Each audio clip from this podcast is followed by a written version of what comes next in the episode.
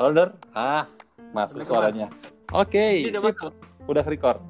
Ini Udah masuk. rekam. Langsung rekam, langsung Konten. bisa aku edit, langsung bisa aku upload. Bentar. Bentar, cek. Cek, Cek. suara. Saru masuk ini? Suara aku masuk? Masuk jelas banget. Oh, jelas banget, eh, keren banget ya. Yo, Ini- kita pakai. Ini otomatis kerekam ya? Iya udah rekam ini di sini. Terus masuknya ke ke Anchor FM. Ekorku. Oke, oke. Nanti bisa ku download ya. sih kalau Kok santai. ini. Yang udah masa ya. Wah, keren banget ini. Gile, gile. Nyentuh setanggi ini kita ribet banget dari tadi. ini aku ini ya. Ada musiknya? Ya loh. Ada. Nanti bisa aku tambahin. Pakai Nanti bisa aku tambahin. Ini ada musiknya lagi ya? Ada soft banget. Enggak, ini musiknya dari kamu tambahin tau? Enggak dari anchornya. Oke, Kancah Muda FM di mana pun Anda berada. Yo Masih yoi. bersama eh, radio kesayangan kita, yaitu Yoi. apa? Radio Sewon, Sewon. FM, mengudara dari 102,3 FM. Yoi. Mengudara dari kawasan Sewon dan kami Ya, akan yang menghantarkan masih- Anda semua pada Buat Malam hari kamu-kamu ini. yang masih dinginnya merasakan dinginnya malam Jogja, silakan keluar menggosok-gosokkan badan di tanah supaya lebih hangat. wah nanti becek dong gitu kalau dengan lumpur. Oh, iya. Nanti Oke, susah ngebedain orang sama babi. Pak, ini ini kolaborasi kita nih. Mungkin kita Yoi. akan sering bikin seperti ini ya. Bener banget. Dan ternyata mudah sekali ya. Cukup dengan Anchor Mudah sekali. FM, invite friend. Ya. Eh berarti dirimu masuknya lewat website atau lewat aplikasi? Aku Anchor nih, aku udah download Anchor aku. Oh download. Lah, Ah. Aku bikin sudah 12 apa 10 Lah iya, aku dulu tuh bikin anchor ini karena dirimu cerita sering bikin podcast sebelum tidur kan sama anak-anak, Iya. makanya aku jadi ikutin. Iya. Yes. Iya. Ya Jadi buat sekarang kamu semua Yang belum bisa bobo malam hari ini bisa mendengar kita dulu. Der Der memory Ya, buat someone di somewhere ditunggu Oh. kedatangannya dan juga atensinya. Ya, atensi. Buat yang mau kirim-kirim pesan silakan kirimkan ke- Kirim-kirim salam, Le. Kirim pesan namanya SMS. Oh iya. Kirim-kirim salah senggol-senggol yang di sana yang jauh. Iya. Jadi kayak radio banget ya. Tapi keren sih. Kamu kita ngobrol kali ini mungkin tentang sesuatu hal, tapi mungkin kita nyinggung sedikit sama Clubhouse. Kamu tahu Clubhouse kan? Tahu, aku tuh udah download nggak aku cara mainnya, Der. Ya kamu kan belum bisa terdown, bisa belum bisa make kalau belum bisa terinvite kan. Udah terinvite aku, udah masuk. Kamu sudah bisa buka akun? Udah. Loh, itu kan orang tertentu nggak sih kayak gitu? Ya kan, aku pertama nyoba, tapi ternyata di circleku tuh banyak yang udah make. Jadi Oh, aku di invite berarti sama temanku dosen ini Advi. Terus kamu bisa nginvite orang nggak, Wan? Aku invite. Bisa, boleh, boleh nanti kalau invite ya. Nah, boleh lah. Tapi aku belum bikin. Tinggal download doang gitu, download, bikin juga. Karena banyak orang sudah memulai. Heeh. Karena biasanya orang tuh nyari peruntungan lah. Mungkin kalau ada sosial media baru, ketika dia memulai pertama, Mm-mm. loh ini iklannya Kenapa? ya? Hah? Nggak ada tuh? Kok ada iklan, Wan? Nggak ada. Sebentar, bentar. Di aku sih nggak ada, nggak ada suara apa-apa sih, aman. Oh ini, oh Spotify ya? Lah, Oh, Spotify. kebuka Spotify, Wan. dirimu. Aku sih nggak. Kalau di sini aman, kalau di sini aman kok. Nggak kedengeran suara apa-apa. Cuma Tadi suara kita ada berdua musik doang. ya? Hah? Pansan ada tadi ada musik nih ternyata Spotify-nya hidup. Walah. Makanya ke distract ada suara background musik. Oke. Man. Mungkin obrolan Yes. kita ini ini karena Tadi kamu Eh, cerita apa tadi belum belum selesai. Saat ada sosial media baru, ada orang yang Oh, sedang peruntungan gimana tuh, mencoba. Der? mencoba peruntungan Ah, ketika ah. dia menjadi pertama itu biasanya Ah. dia akan lebih cepat melejit Oh, Posisi gitu. kayak TikTok lah. Ketika Yes. muncul TikTok, orang Ah. langsung buka, langsung isi gitu loh. Dia dia akan jadi nomor satu cepat gitu loh. Hmm. Apalagi apalagi orang yang sudah terbiasa bikin konten ya itu kan Ya. itu tinggal memindah memindahkan media aja dari YouTube ke mana ke mana ke mana tinggal tinggal mereka beradaptasi kan Heeh. Ya kan di Clubhouse itu aku nggak tahu sih belum belum coba dengerin, belum coba ini juga, belum coba apa mainan. Tapi sih Hmm. insight-nya katanya orang Suara ngobrol kayak gini ya, basisnya. podcast-podcast gini sebetulnya. Ya, jadi Tapi live. itu karena sharing knowledge sebenarnya kebanyakan karena berbasis suara kan. Hmm. Jadi orang berbasis suara itu Hmm. mungkin ya kalau dia nggak banyak isinya, Ya. pemikirannya pasti males ngomong di situ. dead air. Iya, bingung dia mau ngomong apa Dia lagi. bingung ngomong. Jadi makanya orang-orang mungkin yang punya knowledge atau berbagi sharing pemikiran di situ. Kalau nggak nyacat Mungkin- orang kayak budaya di Twitter. Ya, atau komedi, komedi Ya. Ini ya, ngerosting ngerosting ya. Dan dan di situ katanya mau ada moderator dan sebagainya gitu katanya. Jadi nggak Oh. sembarangan orang komen. Kalau komen kan pakai suara juga. Oh gitu ya. Iya, jadi suara berbahasa suara. Dan Oh, komentar, alah. dia modelnya komentar. Ya ya ya ya ya. Jadi emang Komentar sosial media suara ya. Iya, sebenarnya iya suara. Eh, dan itu apa namanya? Eh, dia ada moderator gitu katanya sih. Hmm. Dan ada ada semacam level level netizen tuh ada level-levelnya gitu loh netizen. Oh gitu. Jadi Ada yang cuma pendengar tuh nggak bisa komentar apa pun. oh, oke. Tapi kalau audien di level di atasnya tuh bisa komentar. Oh. Dan itu Di semua room berhak dia bisa memilih. komen gitu ya. Si tahu Dan siapa aja yang- berarti. eh, yang bikin room tuh bisa berhak memilih siapa-siapa yang boleh komen. Oke. itu. Katanya sih seperti aku ngeliat, ngeliat cuman sekilas tentang Heeh. gitu sih. Jadi kayak kita dengerin obrolan nguping obrolannya orang gitu ya. Terus kita bisa nimbrung atau enggak tergantung level kita ya. Dipilih apa enggak. Iya. Karena mungkin sekarang udah ini ya. Kita ngobrolnya ya nggak apa-apa. Pergeseran media sih ya kayak gitu. ya. Hmm. Mulai tumbuh media mulai dari media bersifat teks kan, Twitter kan, Hmm. gambar, Hmm. video, Hmm. YouTube sih dulu duluan dulu itu suara, Ya. mungkin bau yang belum ya. Itu media yang ada Deteksinya gimana coba ya belum sih bos. Belum belum kepikiran tapi mungkin jadi sih itu ter. bau sama bentuk jadi orang bisa meraba gitu kan Kalau bentuk pakai VR bisa kali ya. Iya tapi nggak bisa diraba tuh VR kan cuman Iya. ya cuman dilihat aja sih. Oke man kita mau ngobrolin soal apa nih man karena ini- kita mungkin Kita ngobrolin iya, sesuatu yang terkini lah, tadi sesuatu seperti yang baru gitu loh. obrolan ini eh, mungkin akan sering ketika ada fenomena-fenomena yang yang umum tapi kita melihat dari sisi Pengolahan sisi brand. kita Yoi. ya bisa bisa dari desain brand atau marketing atau bisa dari sisi copywriting atau Ya apa pun betul. Tapi nggak jauh-jauh dari kuasai brand ya.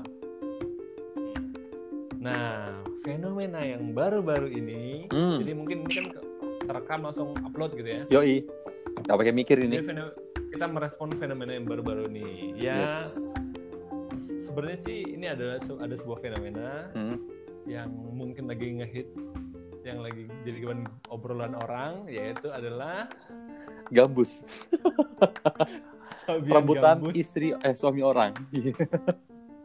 Jadi kita se- ini dulu ceritakan kronologisnya gimana sih? Kalau Iya. menurutmu gimana? Gini sih, kalau Sabian, ya. Sabian yang pernah aku baca gitu ya. Jadi Tapi kita ada nggak bahas detail-detail itunya ya, nanti kita lihat. kita akan membahas detail bagaimana proses perselingkuhannya dimulai. ya, ini hanya sebagai pengantar aja gitu ya. Oke. Alkisah pada suatu masa terdapatlah sebuah band bernuansa Islami bernama Panjang Sabian. Dan Ya, vokalisnya itu begitu terkenal yaitu Mbak Nisa Sabian. bisa imut. Imut dan Lucu. lucu. Crispy dan juga kayaknya. Disukain banyak orang. Iya benar. Ya tipe-tipe. Mbak Hijabers gitulah. Nah Ya, terus Tapi ya cute sih, apa namanya fashionnya, fashionnya juga kayak aku baru ngamati baru kali ini loh. waduh Dulu, dulu tuh aku cuman deket tahu lagunya, Ah. tapi ketika booming ini siapa sih nih? Tak lihat, oh ya lucu dan itu apa fashionable gitu, fashionable ya. Oke. Insta- instagramable banget. Iya soalnya dia emang uh, brand ini pun eh, band ini pun berkembang dari YouTube ya. Jadi memang Ya. mereka sepertinya sudah Ramadan peka ya. sama sosial media tren-trennya.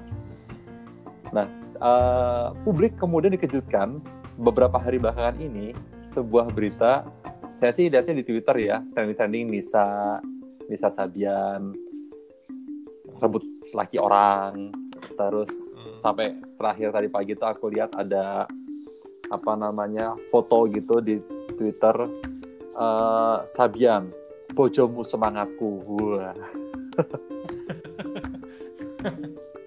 itu mulai banyak meme Meme-nya udah mulai banyak. mana-mana. ya jadi memang Nah, ya. konon katanya Nisa Sabian ini selingkuh dengan Mas Ayus Ayus Sabian juga salah satu personel di Sabian dan Mas Ayus ini ya. sudah menikah memiliki dua anak ya oke dan menariknya lagi yang bikin rame istrinya sudah tahu sejak beberapa tahun lalu dan akhirnya dia menggu- menggugat cerai. Terus Oke. Ayusnya pun mengakui kalau dia mencintai Mbak Nisa. Nah sebagai seorang kepala keluarga deh dengan anak dua bagaimana anda menanggapi kasus perselingkuhan ini? Der? Der? Lah kok hilang nih? Der halo halo? Halo? Ya masih ada? Masih ada masih ada masih ada. Masih ada oke. Tadi sempat ngeblank. Oke Wan. Ya. oke konteksnya berarti Hmm. sudah sampai situ ya? Intinya Hmm. di dalam internal band Sabian musik kan itu yes. uh, ada gejolak kayak gitu. Hmm. terus uh, dianggap sebagai uh, pelakor sebagai perebut perebut laki. Suaminya juga perebut itu perempuan. Walah pelakor tuh perebut laki orang ya? Tahu iya pelakor soal Yes. feminis lagi ada. nah permasalahan gini Hmm. kita melihat dari sisi band ya betul ya misalnya kita melihat dari kita melihat dari sisi branding ya Ya. karena kita di sini melihat dari segi apa sih kemampuan kita jadi Mm-mm.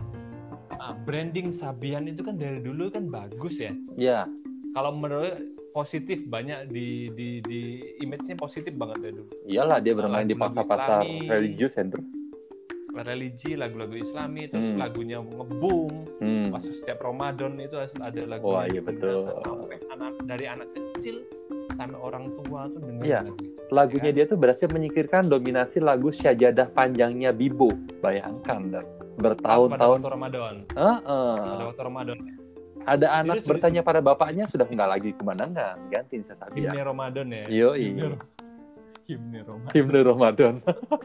Jadi level dia tuh Pokoknya- selevel dengan kalau brand Mars itu Ramadan Siwak F, terus Sarucap Gajah Duduk, Til itu hijab sansir hijab eh, sama satu lagi tuh Sirup Marjan. Begitu iklan itu Ah, muncul, ya. bisa Sabian berkumandang Ramadan Nah. telah tiba. sepertinya nggak klop kalau nggak ada. Sabian gitu ya. besok nah ini nah ini kan brand itu sudah sangat melekat Ya. gitu kan religi dan sebagainya ketika ada kondisi ini sebenarnya kita belum tahu duduk perkaranya sebenarnya karena belum ada kejelasan Nah, tapi di masyarakat orang pecinta Sabian ini ini yang berbahaya sih sebetulnya sih. Mindsetnya mereka sudah jelek. Jadi ya oke. bagi kalau kita lihat dari sudut pandang pengelolaan brand gitu ya si Hmm. Sabian ini kan adalah band sekaligus brand mereka punya pelanggan pecinta musiknya dan begitu ada isu seperti ini kepercayaan dia terhadap brand yang mengalunkan lagu apa lagunya lagu-lagu Islami gitu ya yang ini akan jadi menurun ini. Dan ini akan berdampak langsung pada ya kalau dia itu band zaman sekarang berarti viewersnya bakal turun. Terus like-nya bakal turun juga. Komennya akan beralih ke negatif yang sebelumnya positif. Ya jadi itu inilah seremnya netizen ya Hmm. menurutku ya mereka tuh bisa sangat fanatik atau mungkin cuman sekedar me- mengacaukan suasana memperkeruh Mm-mm. jadi tadinya suka ngefans tiba-tiba berbalik arah kecewanya sangat drastis gitu loh Ya. padahal mungkin belum tahu du- belum tahu duduk perkaranya benar Hmm. gitu loh Ya. kan bisa dari belum belum clear gitu loh suasana tapi sudah sudah mengejat dan sebagainya. Itu dari sisi konsumen atau mungkin orang lah orang awam yang lihat sebuah brandnya Sabian itu sudah sudah bisa dibilang udah buruk mungkin ya jadinya. Iya. Akhirnya semua ke bawah nah mungkin kita ngelihatnya dari sisi gimana? Gimana cara menyikapi Wan menurutmu? Oke. nanti aku akan share juga menurutku juga. Oke, saya sebagai sih sebelum kita memberikan bagaimana menyikapinya, kita coba bedah dulu kondisi yang sekarang menimpa Sabian ini. Dok. Jadi kalau kita lihat dari sudut pandang, kan ini ada brand, ada target audience gitu ya. Dari sisi brand, yang tadi udah kita bilang lah, image mereka turun. Bicara image, maka citra, eh, sorry, bicara image, maka keyakinan bagi masyarakat terhadap band ini trustnya juga menurun dan netizen sekarang zaman sekarang itu kan bukan lagi orang yang berasumsi ya. Mereka itu kan bergerak berdasarkan fakta dan data kalau saya lihat. Jadi Ya. eh, begitu netizen itu mereka menemui sebuah kasus yang menimpa sama sama brand favoritnya maka dia akan mencari jejak digital. Jadi kalau kita lihat di kasus-kasus sebelumnya, misalnya Ardito Pramono gitu ya, dia pernah uh, nge-tweet hal yang sangat rasis pada saat dia SMP, ketemu loh sama netizen. Jadi kan kebayang bagaimana diungkit lagi gimana? gitu ya. diungkit, diungkit lagi. Tapi kalau aku sih bukan masalah ngungkitnya, tapi bagaimana kegigihan netizen sekarang untuk menggali jejak Hmm. digital itu kan berarti dia men-scroll banyak sekali tuh mengamati perkembangan idolanya. Nah, ini pun sama kalau aku lihat di lini masa Twitter, aku lebih sering lihat di Twitter ya. Itu orang-orang yang nge-tweet negatif ke Nisa Sajian itu biasanya melampirkan berita-berita dari ini, berita-berita dari media berita pemberitaan digital sebagai attachmentnya. Hmm. Jadi kalau kita lihat sekarang kan ya memang eh, apa namanya netizen itu apa ya jarak antara selebritis dengan apa dengan penggemarnya itu udah setara. Kita bisa ngobrol langsung sama SMS langsung, bahkan kita bisa lihat kehidupan pribadinya langsung secara digital.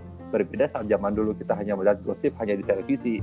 Ada kayak gap antara oke artis di panggung dan kita orang-orang yang di depan panggung. Kalau sekarang udah enggak.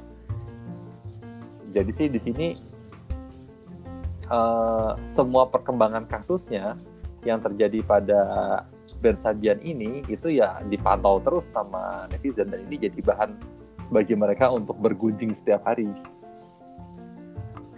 Iya. Nah ini tapi menurut ah, gini gimana? Man, aku ngamatin sempat sih beberapa Hmm. kali penasaran dengan orang yang mengatas ya yang kita sebut netizen itu Pak. A- aku aku sempat beberapa kali melihat nggak tahu mungkin aku riset kecil-kecilan Hmm. sih ya kayak kayak Instagramnya Nisa itu tak Hmm. liatin satu postingan terakhir terus tak tak klik komen-komentarnya itu loh. Yang komen Oh ya gimana tuh? kebanyakan kebanyakan akunnya tuh postingannya tuh nol. Satu kok satu foto atau nol. Fake berarti? kebanyakan nol sih nah aku mikirnya gini.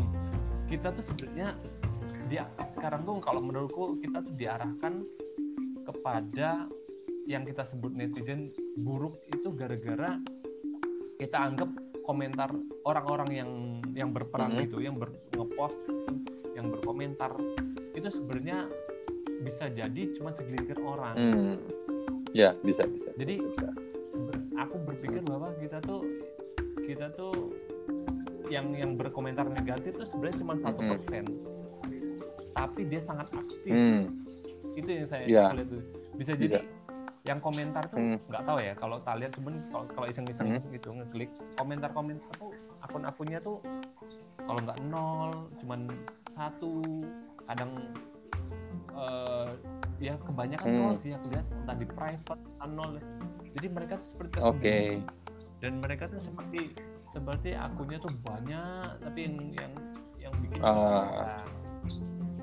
nah sedangkan itu Ya. masif mereka tuh serentak terus eh, di mana-mana Mm-mm. kayak gitu terus dia seperti mem- seperti dia tiba-tiba muncul di Twitter meme-nya seperti dibikin sama desainer serius Oh, Oke. terus nyebar ke mana Ya benar. benar. Jadi seperti seperti ada yang mencoba untuk mengatasdirikan diri sebagai netizen itu loh. Jadi yang pikir sebenarnya mungkin orang yang yang diam atau mungkin yang tidak mau ikut terlibat tuh sebenarnya lebih banyak dibandingkan yang yang berkomentar aktif Ya, betul. itu sebenarnya. Dan memang Karena secara algoritma karena itu- konten tidak peduli toh dia itu akun anon atau akun Nah, organik, itu.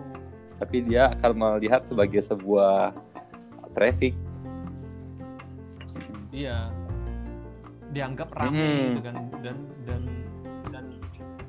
dan mungkin akhirnya kita akan menamakan diri misalnya eh, kayak gitu mungkin Nisa menganggap bahwa dia dihujat oleh semua orang gitu loh. Padahal itu mungkin bayanganku itu satu persen atau mungkin dua persen dari pengguna internet. Hmm. gitu loh. Itu mungkin berlaku sih man dengan istilah-istilah satu persen tuh aku sempat kemarin berpikir bahwa istilah satu persen dan sebagainya itu berlaku untuk banyak hal sebenarnya Ah, ya kayak inilah Islam Islam Oh, iya, teroris iya, itu kan iya. satu persen Iya, nya Ah. ISIS gitu tapi dia sangat Iya. dominan sangat mm-mm. gila gitu. ya sepakat. itu Ya. kan cuma satu persen akhirnya Mhm. image negatif kayak kayak netizen netizen kan mungkin banyak yang bagus-bagus ya kan tapi satu persennya itu yang heboh minta ampun bombardir itu akhirnya image-nya buruk tapi itulah memang kondisi ya jadi orang orang sekali buka page-nya nah, Nisa yang dilihat komentarnya yang buruk langsung jadi image-nya jadi tambah tambah buruk dan itu efeknya ke Ya. mental ya Ke mental ketika orang melihat wah akunnya dia isi komentar buruk semua padahal mereka itu cuma segelintir orang yang aktif. Iya. mungkin Hah? mungkin orang yang mungkin orang yang tidak mau komentar atau tidak mau peduli dia nggak komentar di situ atau mungkin yang positif pun tidak komentar di situ akhirnya terisi yang negatif Iya, soalnya sekarang gini sih, Nder. Apa namanya? eh harus harus harus informasi besar yang mempengaruhi media sekarang itu justru berawal dari sosial media. Jadi kalau zaman dulu itu kan kita nonton TV, isunya apa itu yang diobrolin di circle-circle kita gitu ya. Kalau sekarang enggak, TV itu melihat apa yang disukai masyarakat. Makanya dia akan akan apa namanya melihat yang lagi rame apa nih di sosial media. Kemudian diangkat jadi jadi informasi di media-media mainstream. Nah informasi media informasi ini kayak dilegitimasi gitu loh sama media-media mainstream. Dan akhirnya itu yang dibicarakan lagi sama orang. Nah kalau aku lihat di sini bisa jadi loh ya polanya itu orang-orang dengan akun anon ini entah apa kepentingannya gitu ya kemudian menyerang. Menyerang satu satu kasus Nisa Sabian dan Ayus gitu ya. Oh, supaya terangkat terangkat. supaya terangkat oleh media. Media kemudian melegitimasi ini Ah. menjadi sebuah informasi yang memang besar. Kan ini jadi kayak gunung bola es yang semakin besar dan terlegitimasi toh oleh media-media mainstream kemudian orang dari sini mulai membicarakan jadi yang bisa jadi awalnya itu orang nggak tahu menau ikut komen di situ jadinya dipush jadi iya iya ya itu itu yang kalau di HI itu ada Apa tuh? teori ini man mungkin orang yang menguasai media itu Oh, Oke. kamu pernah dengar istilah Ya. jadi memang sampai Hmm. sekarang masih berlaku sih gitu jadi eh, yang penguasa media itu dia akan menguasai Hmm. informasi kan dia bisa mengarahkan masyarakat ke Ya. arah mana sebenarnya kan orang yang kalau sekarang kan Hmm. orang yang banyak akun itu dia bisa Ya, menguasai berita dia, dia bisa mendominasi terus larinya ke media media orang lebih fanatik akhirnya bisa lebih fokus ke media Hmm. di, di boom terus masuklah iklan dan sebagainya itu kan Iya sih. itu salah satu sih Iya sih.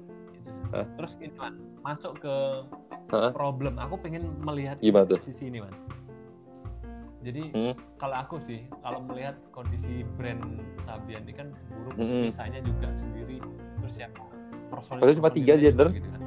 aku lihat Tiga, dua Iya, bermasalah, satu doang yang aman ini. terus tapi brandnya udah buruk Sabian dia, dia dari dia dari mana dari Sabian juga kena kan nah aku melihat gini Wan ada kasus yang Iya. menarik juga serupa mungkin kamu tahu juga tapi sampai sekarang Apa tuh? brandnya masih bagus yaitu Noah Noah Oh. kamu tahu kan Peter Pan Ariel Peter Iya, Pan tahu iya, kan iya, iya, iya. aku melihat dalam kondi- ma- mungkin malah lebih, lebih parah sih menurutku ya kan tahu sendiri Iya, video iya, yang iya, tahu, tahu, tahu, tahu, tahu, tahu. anak anak sekarang mungkin nggak ngerti Lehernya ja- anak zaman Ada satu mata semua orang lehernya sebelah kiri sakit.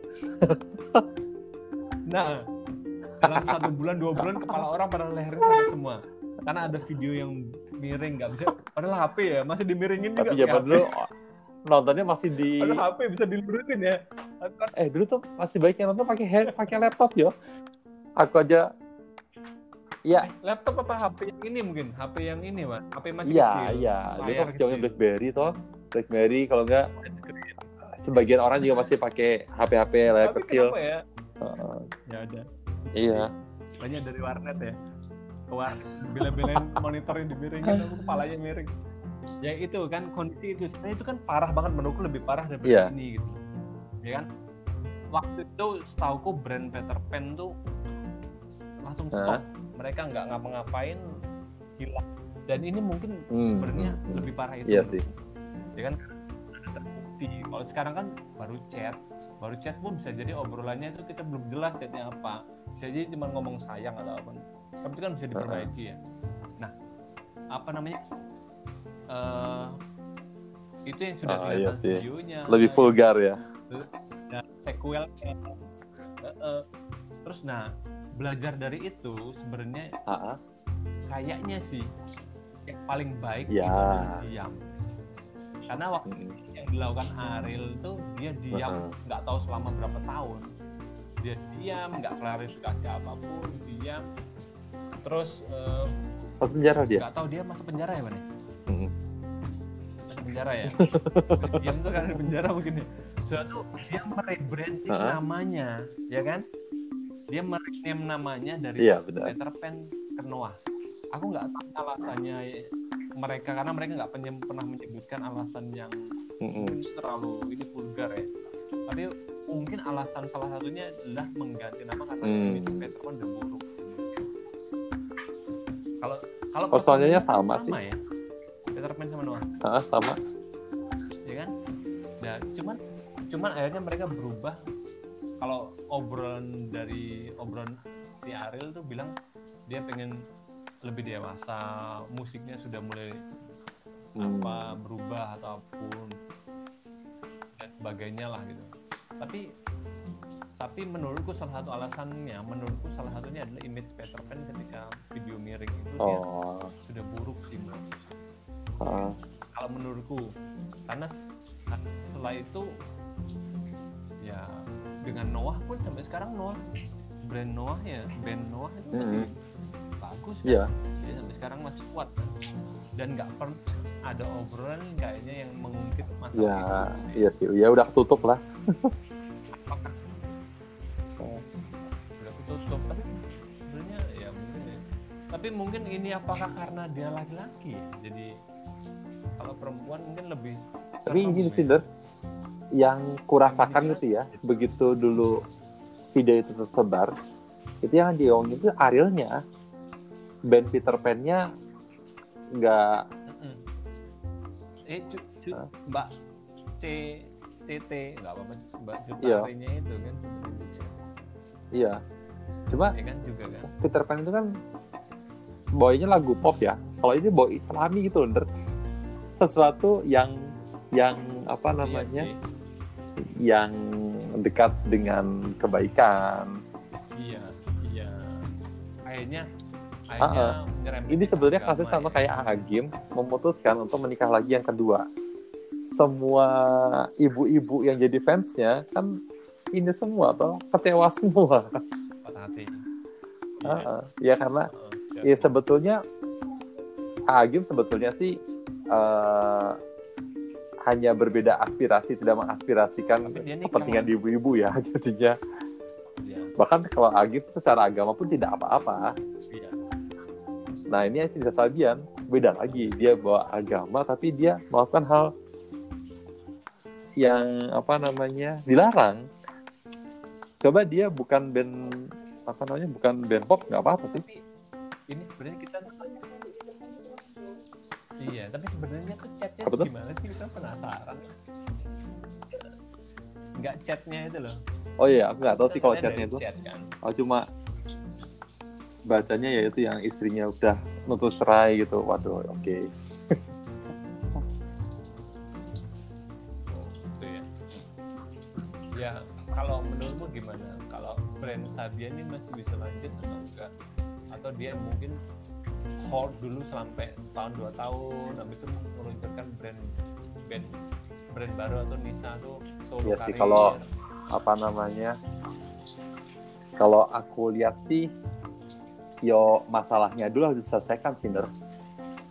jadi gini sih ya mungkin sekarang diam gitu ya tapi dalam diam Iya. itu kan juga uh, masyarakat terus memantau toh ini beda kasusnya seperti saat media konvensional gitu ya yang media hanya satu arah saja saat nanti ada kayak apa zamannya rumah sakit Omni sama Ibu Prita dulu gitu ya begitu di TV tayangkan orang perhatikan tapi begitu ada kasus lain ketutup ya udah orang jadi lupa. Tapi kalau di kita kan nggak kayak seperti itu. Nah, kalau menurutku sih ya inti masalahnya harus diselesaikan dulu.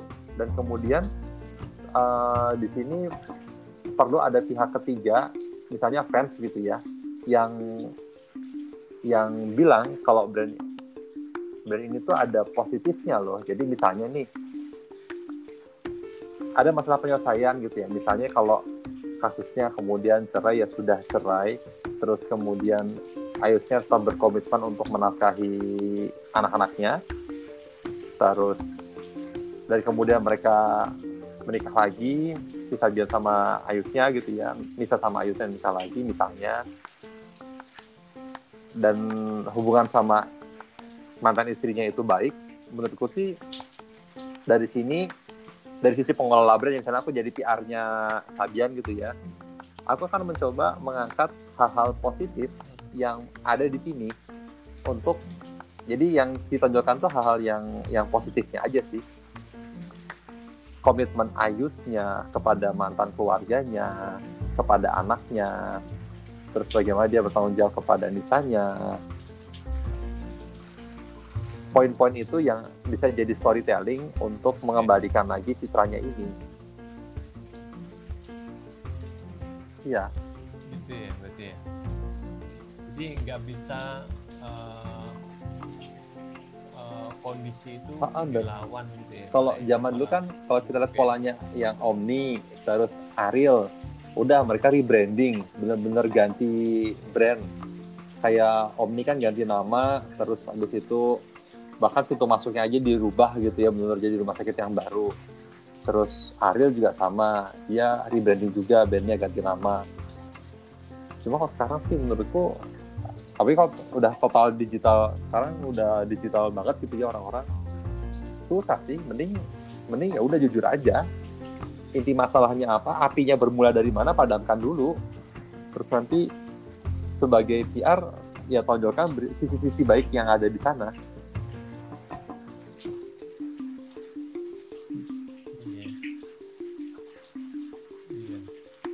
Karena ini ini ya, ya Religi. ya itu juga religi juga karena mungkin kalau, band-band biasa mungkin ini nggak ter- terlalu ini ya. ya nggak terlalu ironis seperti sekarang kan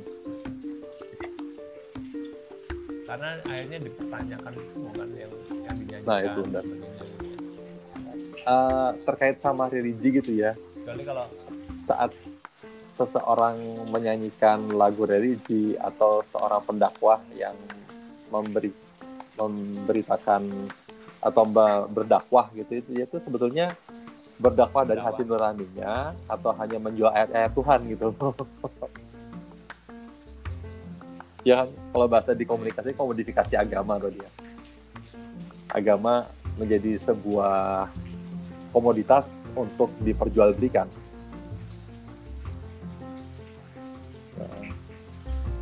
Iya. Jadi istilahnya tuh ya dia sebenarnya eh, nilai-nilainya tuh sampai masuk ke dalam kesehariannya atau enggak gitu karena apa yang disampaikan itu terpotret gitu ya Oh. dalam kondisi perilakunya itu dia menjadi satu Iya, iya. dan sekarang itu gitu. apa jadi kalau apa namanya kalau dulu pernah dengar ada teori ini apa namanya ah lupa aku tuh. Dramaturgi. Dramaturgi itu kan bagaimana seorang komunikator. Ya kalau di sini bisa Sabian gitu Sabian Ben Sabian gitu ya. Seorang Nisa Sabian dia kan band leader ya. Seorang Nisa Sabian berada di panggung. Iya.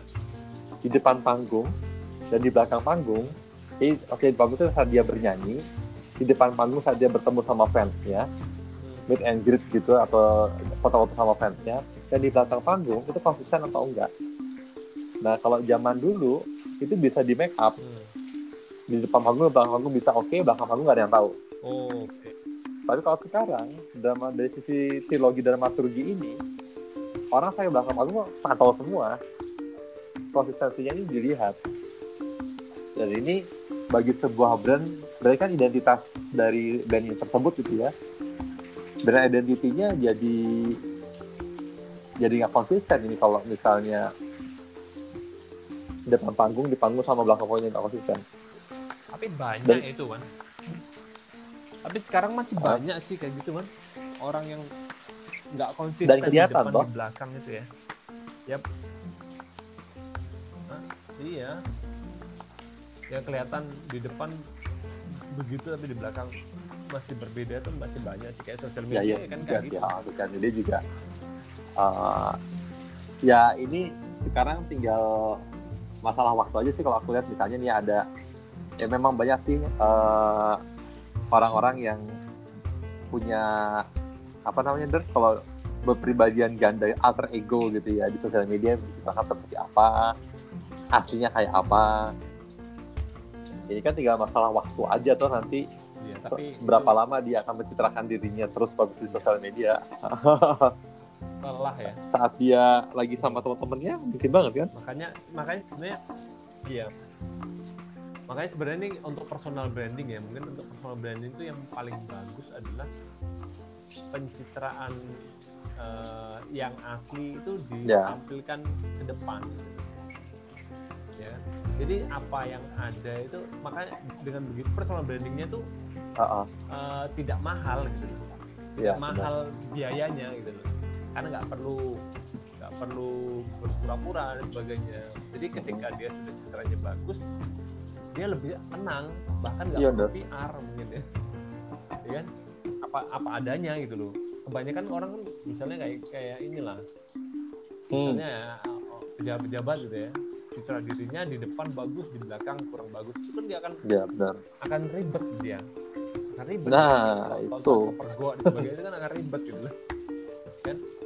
Dan kalau dia makanya istilah Iya. pencitraan itu jadi buruk gitu istilahnya negatif. Padahal pencitraan itu sebenarnya apa yang inner Mm-mm. dan outside itu sama gitu ya. Itu itu sebenarnya. Nah ini contoh kasus juga sebenarnya kalau secara pribadinya Nisa juga personal branding apa yang di, di luar dengan di dalam seharusnya sama gitu. ya kan nah kalau dia bisa memperbaiki itu dan menyampaikan sekarang tuh sebenarnya soal soal keberanian sih netizen tuh akan semakin menghakimi ketika orang eh, makin keras atau dia cuma diem cuma kalau kasusnya sekarang Ya. dalam kondisi sekarang gitu ya dua orang ini kalau ngomong-ngomong nggak ada yang dengerin Ber. Mending minta klarifikasi. maaf kan minta maaf tuh sebenarnya cara yang Ya, kayak gini contoh kasus ya. Kamu ngeliat oh ini nggak tahu kasus kenapa dia? Nadine Amiza. Nggak sebenarnya simpel cuma Nadine Amiza diundang ke podcastnya Deddy Kobuser Lalu tuh dia ngomong Oh, oke. orang miskin gitu loh. Cuman ya jadi kalau dia ngomongnya gini eh, makanya aku tuh nggak eh, kalau nggak salah loh ya kalau nggak salah. Orang miskin itu lebih cenderung berpikir negatif dibandingkan orang kaya. Oh. Dia ngomong gitu. Karena ketika Hmm. dia akan merasa susah Hmm. akhirnya berpikirnya negatif terhadap semua entah entah uh, mengeluh dan sebagainya. Hmm, hmm, hmm. mengeluh dengan keadaan sebagainya makanya orang tuaku menuntut Oh, oke. aku harus tua kaya gitu. nah itu dia sebenarnya itu sebenarnya Ah. pendeknya tapi ada penjelasan lebih Terus panjang. digoreng. Jadi, potongan itu itu uh, Oke. heboh itu suatu heboh Twitter dan sebagainya Eh, menganggap itu apa ya orang miskin men, men- men- Yes. merendahkan derajat orang miskin dan sebagainya lah. Ya karena benar. kadang-kadang ada miskin karena keadaan Terus yang dilakukan Nadine apa tuh? Nah. Minta maaf. akhirnya akhirnya Nadine itu langsung beberapa hari itu langsung bikin video Oke. di, di Instagramnya videonya adalah dia menjelaskan Heeh. panjang nggak tahu 30 menit dia atau 15 menit Oke. dia minta maaf pertama dan sebagainya gini-gini terus masuk dia tuh gini-gini gini obrolan gini panjang dia sampai bikin Hmm. tulisan dia baca tulisannya Heeh. mungkin dia kan masih muda dia masih muda kan ya mungkin Hmm. Iya benar. kanan gitu loh Twitter kan serem banget ya sekali ada hal itu padahal itu padahal hal soal itu aja salah ngomong preset hanya Hmm. dibikin uh, penjelasan tapi setelah itu selesai sepertinya sudah orang lupa dan sebagainya entah entah yang jelas dia kan sudah orang seperti oh ini udah ada yang ngomong tuh udah minta maaf dan sebagainya penjelasan Nah, paling nggak mungkin netizen itu Ada ini ya, penjelasan. ada apa namanya? Empati di situ ya. Is- istilahnya kalau dia di kalau dia demo Ah, di depan ah, ah. rumahnya dia keluar gitu. Ngasih tahu, oh iya dan dia pulang gitu orang pendemonya pulang gitu mungkin butuh itu sih kayaknya butuh orang langsung ngomong minta maaf Hmm. niat misalnya nggak ada niatan atau misalnya chatnya langsung dijelaskan kalau dia ngomong kata-kata ini terus sebenarnya ada satu gimmick untuk supaya misalnya supaya menimbulkan reaksi kimia gitu. ya, atau supaya chemistry-nya dapet untuk lagu ini gitu. atau misalnya untuk atau apa pun lah atau misalnya dia kilap panggilan itu dan sebagainya tapi nggak ada niatan Hmm. ya udah selesai setelah itu dia harus seperti apa, tapi- apa. Ta- dan itu dan itu memang harus dilakukan sih karena sekarang tuh PR-nya itu harus keluar kalau cuma didiamkan itu akan ngambang ya kayak Ariel itu kan sebenarnya Iya. ngambang sampai sekarang tapi nggak ada Heeh. nggak ada yang berani Cuma ini ya, Dri, ya. Kalau yang Nadine tadi kan memang dia ditarik dari api awalnya itu adalah pernyataannya dia toh di podcast saya dari Corbusier kemudian dia minta maaf dan klarifikasi. Nah kalau Nisa Sabian ini sama Ayus itu aku chat itu apakah itu jadi api awalnya atau itu adalah eh, asapnya asap yang terlihat saat digali lagi di timbunan apinya itu masalahnya apa ini? Tuh. soalnya kan aku baca berita sampai istrinya gugat cerai itu gugat cerai kan ya nggak mungkin masa chat doang gugat cerai itu mesti ada ada hal di balik itu yang sangat sangat apa ya sangat mendalam gitu loh jadi menurutku sih eh, aku sepakat sih tadi minta maaf boleh. Tapi di sini minta maaf untuk menjelaskan api nyata di Carnet seperti apa dan bagaimana solusinya. Saya kan di sini banyak sekali orang-orang yang ya semangatnya itu kan social justice warrior toh. Semangatnya kan tuh membela yang lemah. Di sini kan Hah? yang lemah itu adalah istrinya Ayus toh yang kemudian disakiti. Posisi yang diuntungkan gitu ya. Nah Oh, orang-orang kan iya. banyak memihak pada dia. Nah sekarang menurutku sih dari sisi PR-nya tahu dulu mappingnya nih. Mappingnya antara brand terus kemudian siapa yang diajak bakal diajak ngomong ini? Eh, penggemar Nisa Sadian. Terus kemudian di masalah ini siapa yang jadi hero dan siapa yang jadi penjahatnya? Terus, ya ah, dipetakan Ada dulu kan? Harus dipetakan peran, ya. gitu. Ya udah aku sepakat klarifikasi untuk ininya. Klarifikasi minta maaf minta maaf itu juga sebetulnya kan bukan minta kalau Nisa kan eh kalau Nisa kalau Nadine kan memang dia yang kemudian melukai hati netizen gitu ya Nah kalau di sini kan sebenarnya yang berkasus itu kan Ayus istrinya dan Nisa, toh. Tempat kita jadi ikut campur di sini, kita jadi seolah membela istrinya nih. Nah berarti kan Nah, di sini sebetulnya iya. maaf itu, Ini ini ini. ya, ya sebenarnya kan maaf itu Iya, iya, adalah maaf dari dari yang salah ke yang benar di antara tiga orang ini tuh aku nggak tahu di situ aku tidak menjudge siapa pun yang salah siapa yang benar ya Iya. Uh, cuma dari tiga ini Hah? Iya, iya. Ini seperti Iya, ini sebenarnya tuh kita tuh sudah sampai ini ya, agak aneh sebenarnya ngobrolin ini apa namanya orang ini Hmm. permasalahan antar pribadi sebenarnya ya. tidak bukan ah. melukai iya betul netizen sebenarnya kan, ya kan? Beda kayak Nadine itu kan Hmm. mungkin ada yang merasa terlukai gitu ya.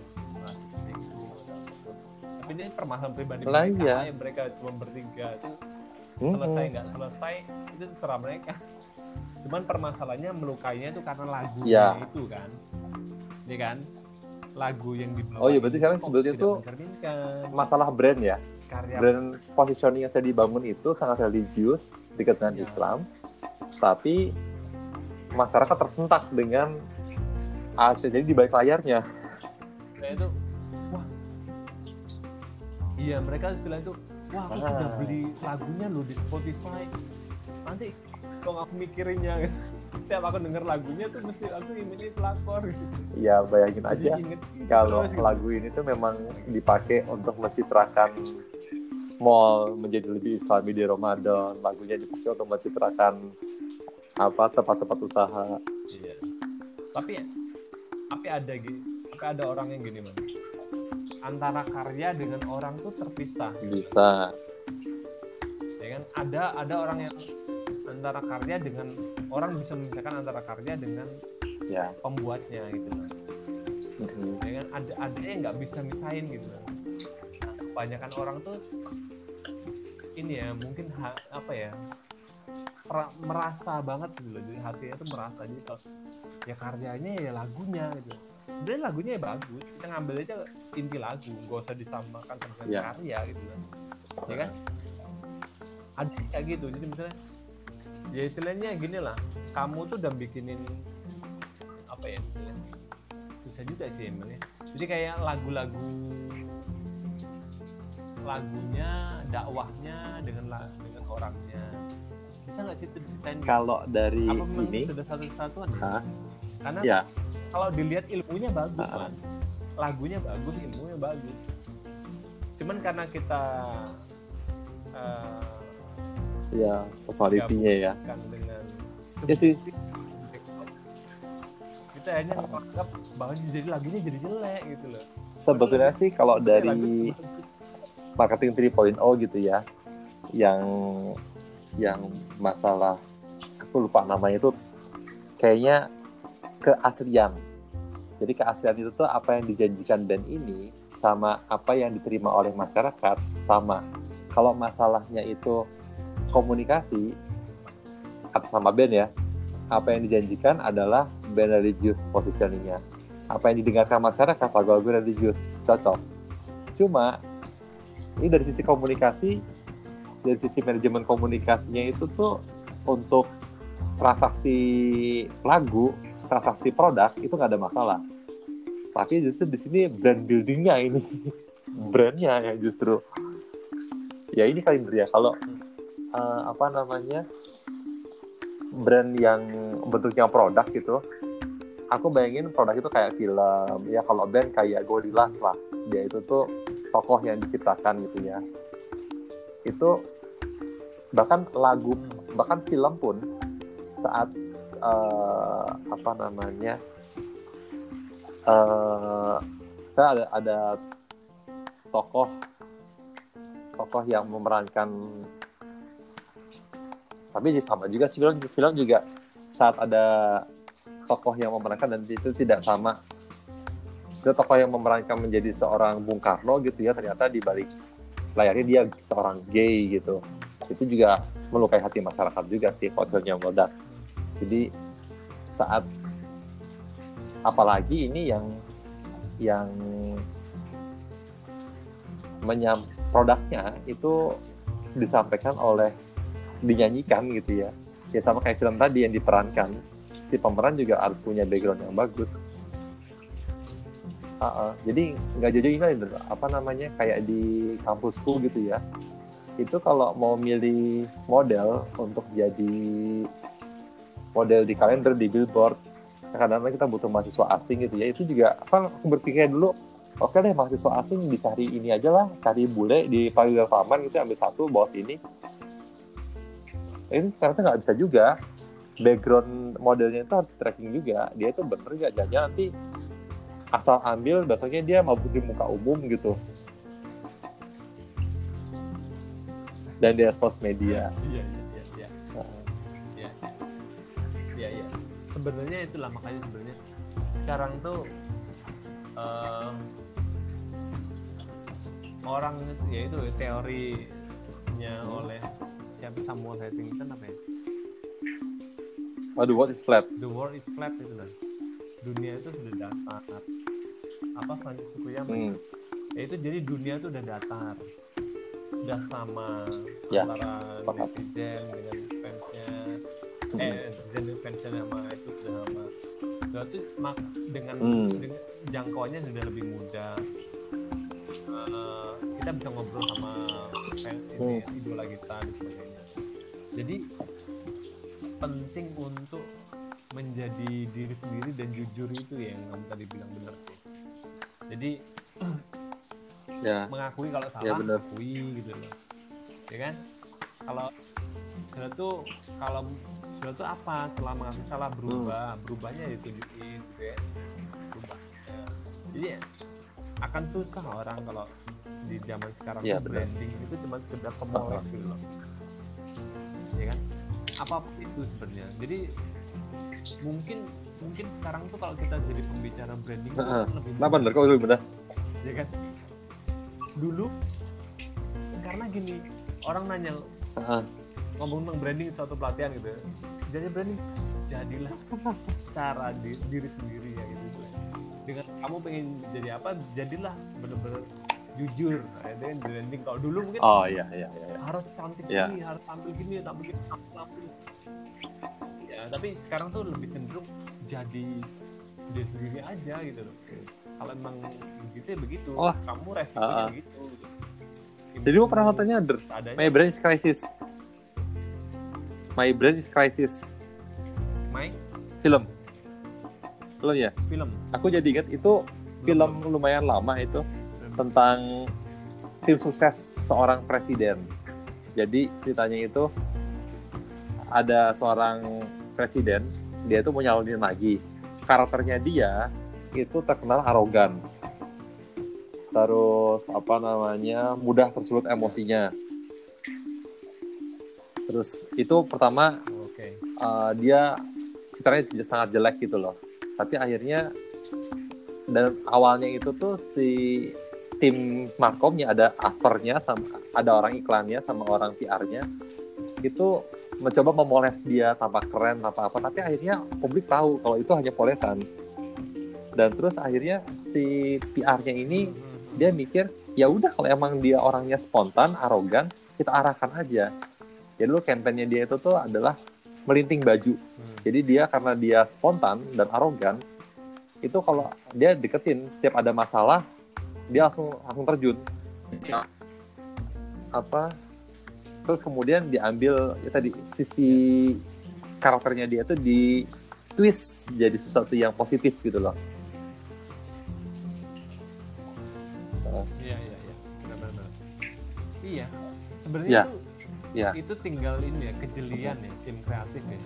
Kejelian tim kreatif. Jadi Ya, dari betul. dari sisi karakternya tuh mana sih yang bisa dipoles gitu ya ya eh bukan dipoles yang mana yang bisa ditonjolkan menariknya menariknya sih lebih cenderung ke Iya. menarik ya. menjualnya dari sisi mana sih karena akan susah kalau kita kebanyakan polesan itu harganya mahal kan kebanyakan polesan itu kayak mungkin era Hitler Hmm. bisa dipakai zaman sekarang ya Hitler kan polesan banget ya Hitler kan memang orang seni ya jadi hmm.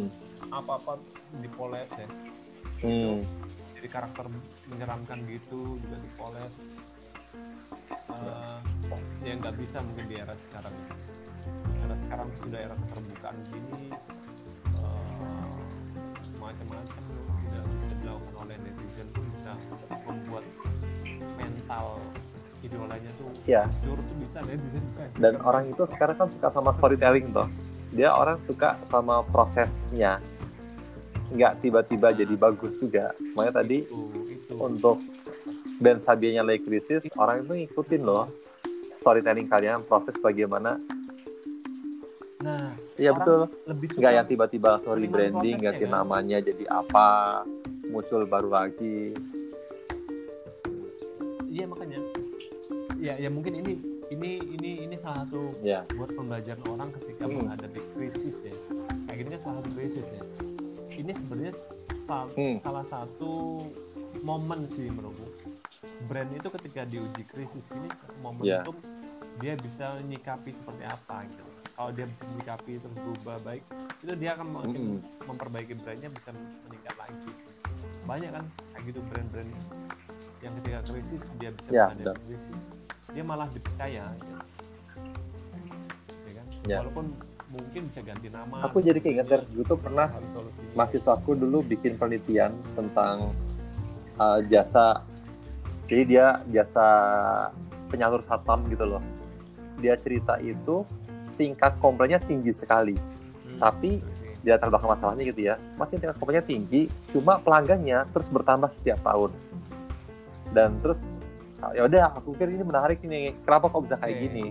Akhirnya dia meneliti hasil penelitiannya ternyata eh, manajemen komplainnya bagus jadi dia itu begitu ada komplain nggak sampai dua kali 24 jam itu harus diteratasi dan jadi itu orang-orang tuh ada masalah Iya, komplain iya tapi harus mendapatkan solusi nah ini juga yang Ya. yang bisa dipegang nih masalah bagi sebuah brand wajar nggak apa-apa. Orang melihat bagaimana sebuah brand ini bisa bangkit kembali mengatasi ngikutin nggak yang tiba-tiba terus jadi bagus gitu loh. Hilang diam tiba-tiba bagus. Wah ini apa ini? Mungkin ah ya betul. kayak kasus Eger kemarin ya juga tuh ya. Itu sebenarnya pembelajaran juga tuh nggak nggak kayak gitu aku cara kaget loh itu der Iya kan? Aku Jadi, kaget loh der aku sebenarnya banyak itu juga man Hah? Aku kaget juga kok bisa Enggak, iya- iya gitu sih. gitu loh. karena bisa Eger itu tuh kalau aku lihat aku ngikutin web web seriesnya dia gitu ya di awal-awal tren web series dia udah bikin juga terus habis itu dia bikin juga konten-konten digital aku pikir tuh dia udah bikin konten digital pola pikir pengelolaan brandnya udah digital juga gitu loh Oh. makanya aku nggak yakin tuh brand Eger sebenarnya itu cuman oknum lah orang-orang Wah. karyawannya aja Tapi sih. Tapi karyawan, dia ngeluarkan dia surat, bikin surat atas nama Eger der ini ini kan konteksnya udah brandnya nah toh. seremnya. Brand communicationnya dia udah corporate communicationnya. Ya mosok nggak ada strategi besar yang menyeluruh toh? Nah mungkin karena Cuman yang menurutku sih, ah sih. Bagus loh ada orang yang bikin UGC tentang brandnya kok yo di komen kayak gitu nyender juga Iya. enggak Oh iya makanya itu sih salah satu mungkin nggak bisa dengan cara kayak gitu lagi Iya, kok nggak bisa sekarang soalnya makin deket makin memanjakan malah kan malah hmm. aku pun masih aku pun belajar kayak gitu kan salah satu kasusnya yang produk itu kalau ada Hmm. komplain langsung hari itu juga tak ganti. Kalau ada produk yang misalnya Hmm. ada problem di produkku gitu ya hari itu tak ganti sejumlah berapapun yang dia bermasalah. Oke itu- keren tuh. sampai sekarang. Besoknya langsung tak kirim. Tanyain berapa berapa yang rusak berapa yang problem iya biasanya orang-orang kayak gitu kan dia jadi respect kan sekarang masih di pelanggan yes.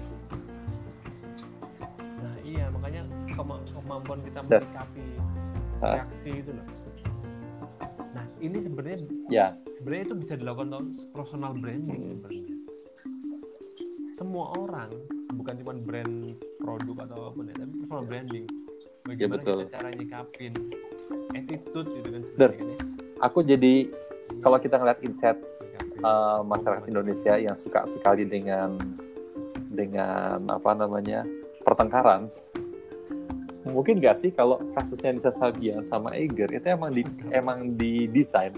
By design oleh Egernya by design oleh Nisa Sabiannya agar brandnya dia tuh di, dibicarakan sama orang. Supaya Hah? di notice gitu ya. nah ini. Tapi kan? le- level Oh, PR-nya udah tingkat dewa. Kalau gini dia memang sengaja membakar brandnya biar orang kemudian melihat orang panik orang mengecam dan polemiknya muncul. Terus nanti setelah setelah orang udah mulai rame cerita udah mulai muncul dia padahal pelan pelan tapi ini menurutku sih kalau memang iya by design itu strategi brandnya keren banget ini.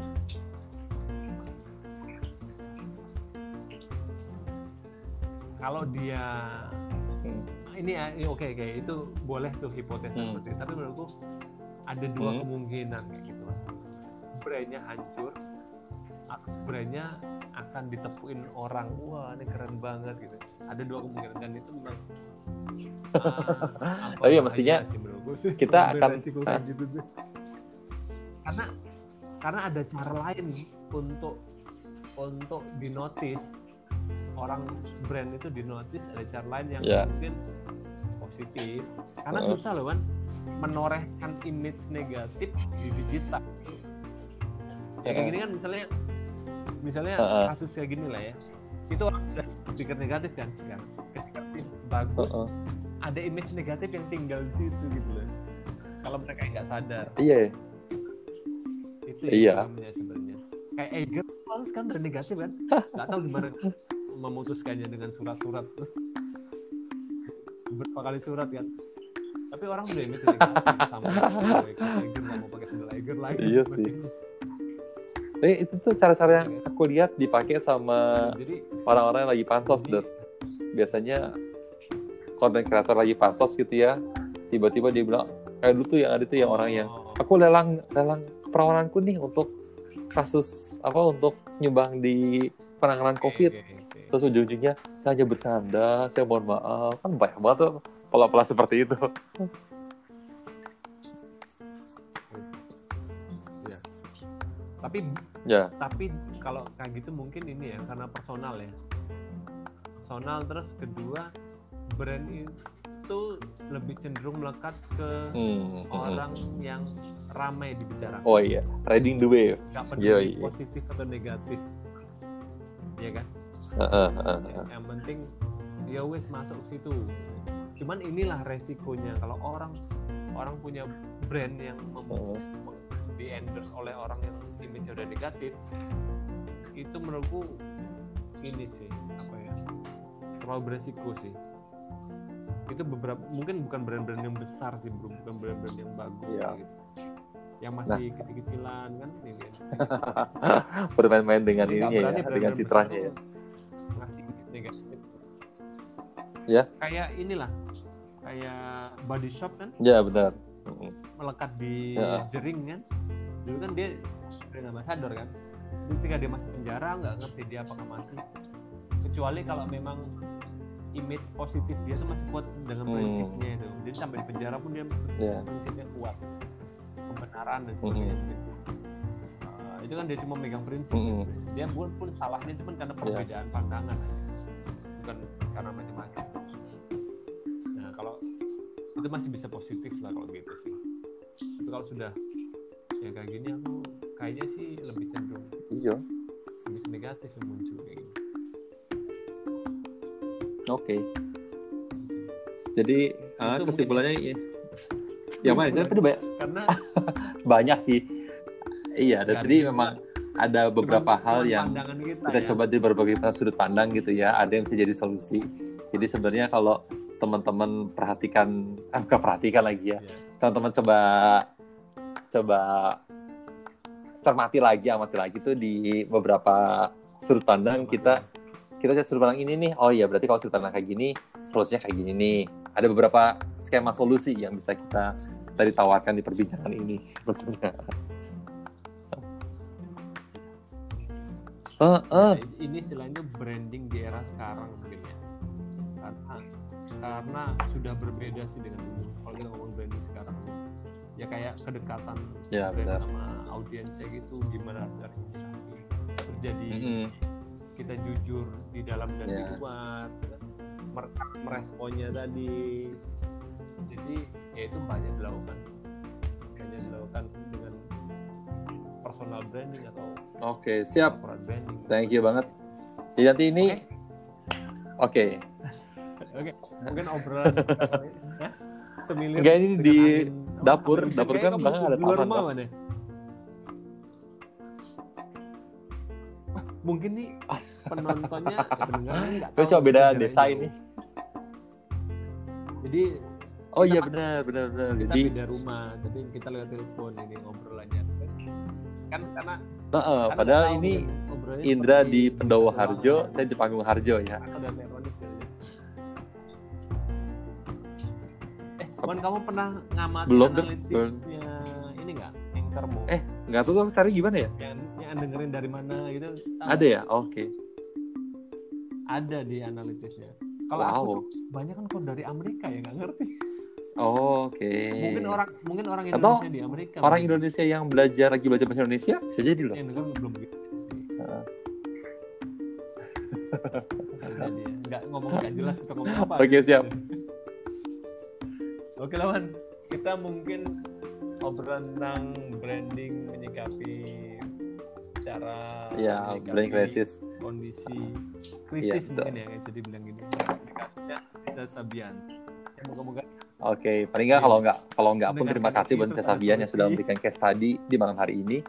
Jadi banyak sekali pengelola branding yang bisa mendapatkan skema-skema solusi saat brandnya terkena krisis ya. Oke, thank you banget. Sampai ketemu di podcast berikutnya. Saya Erwan Sudiwijaya. Assalamualaikum Oke, kita mohon pamit. Wassalamualaikum warahmatullahi wabarakatuh.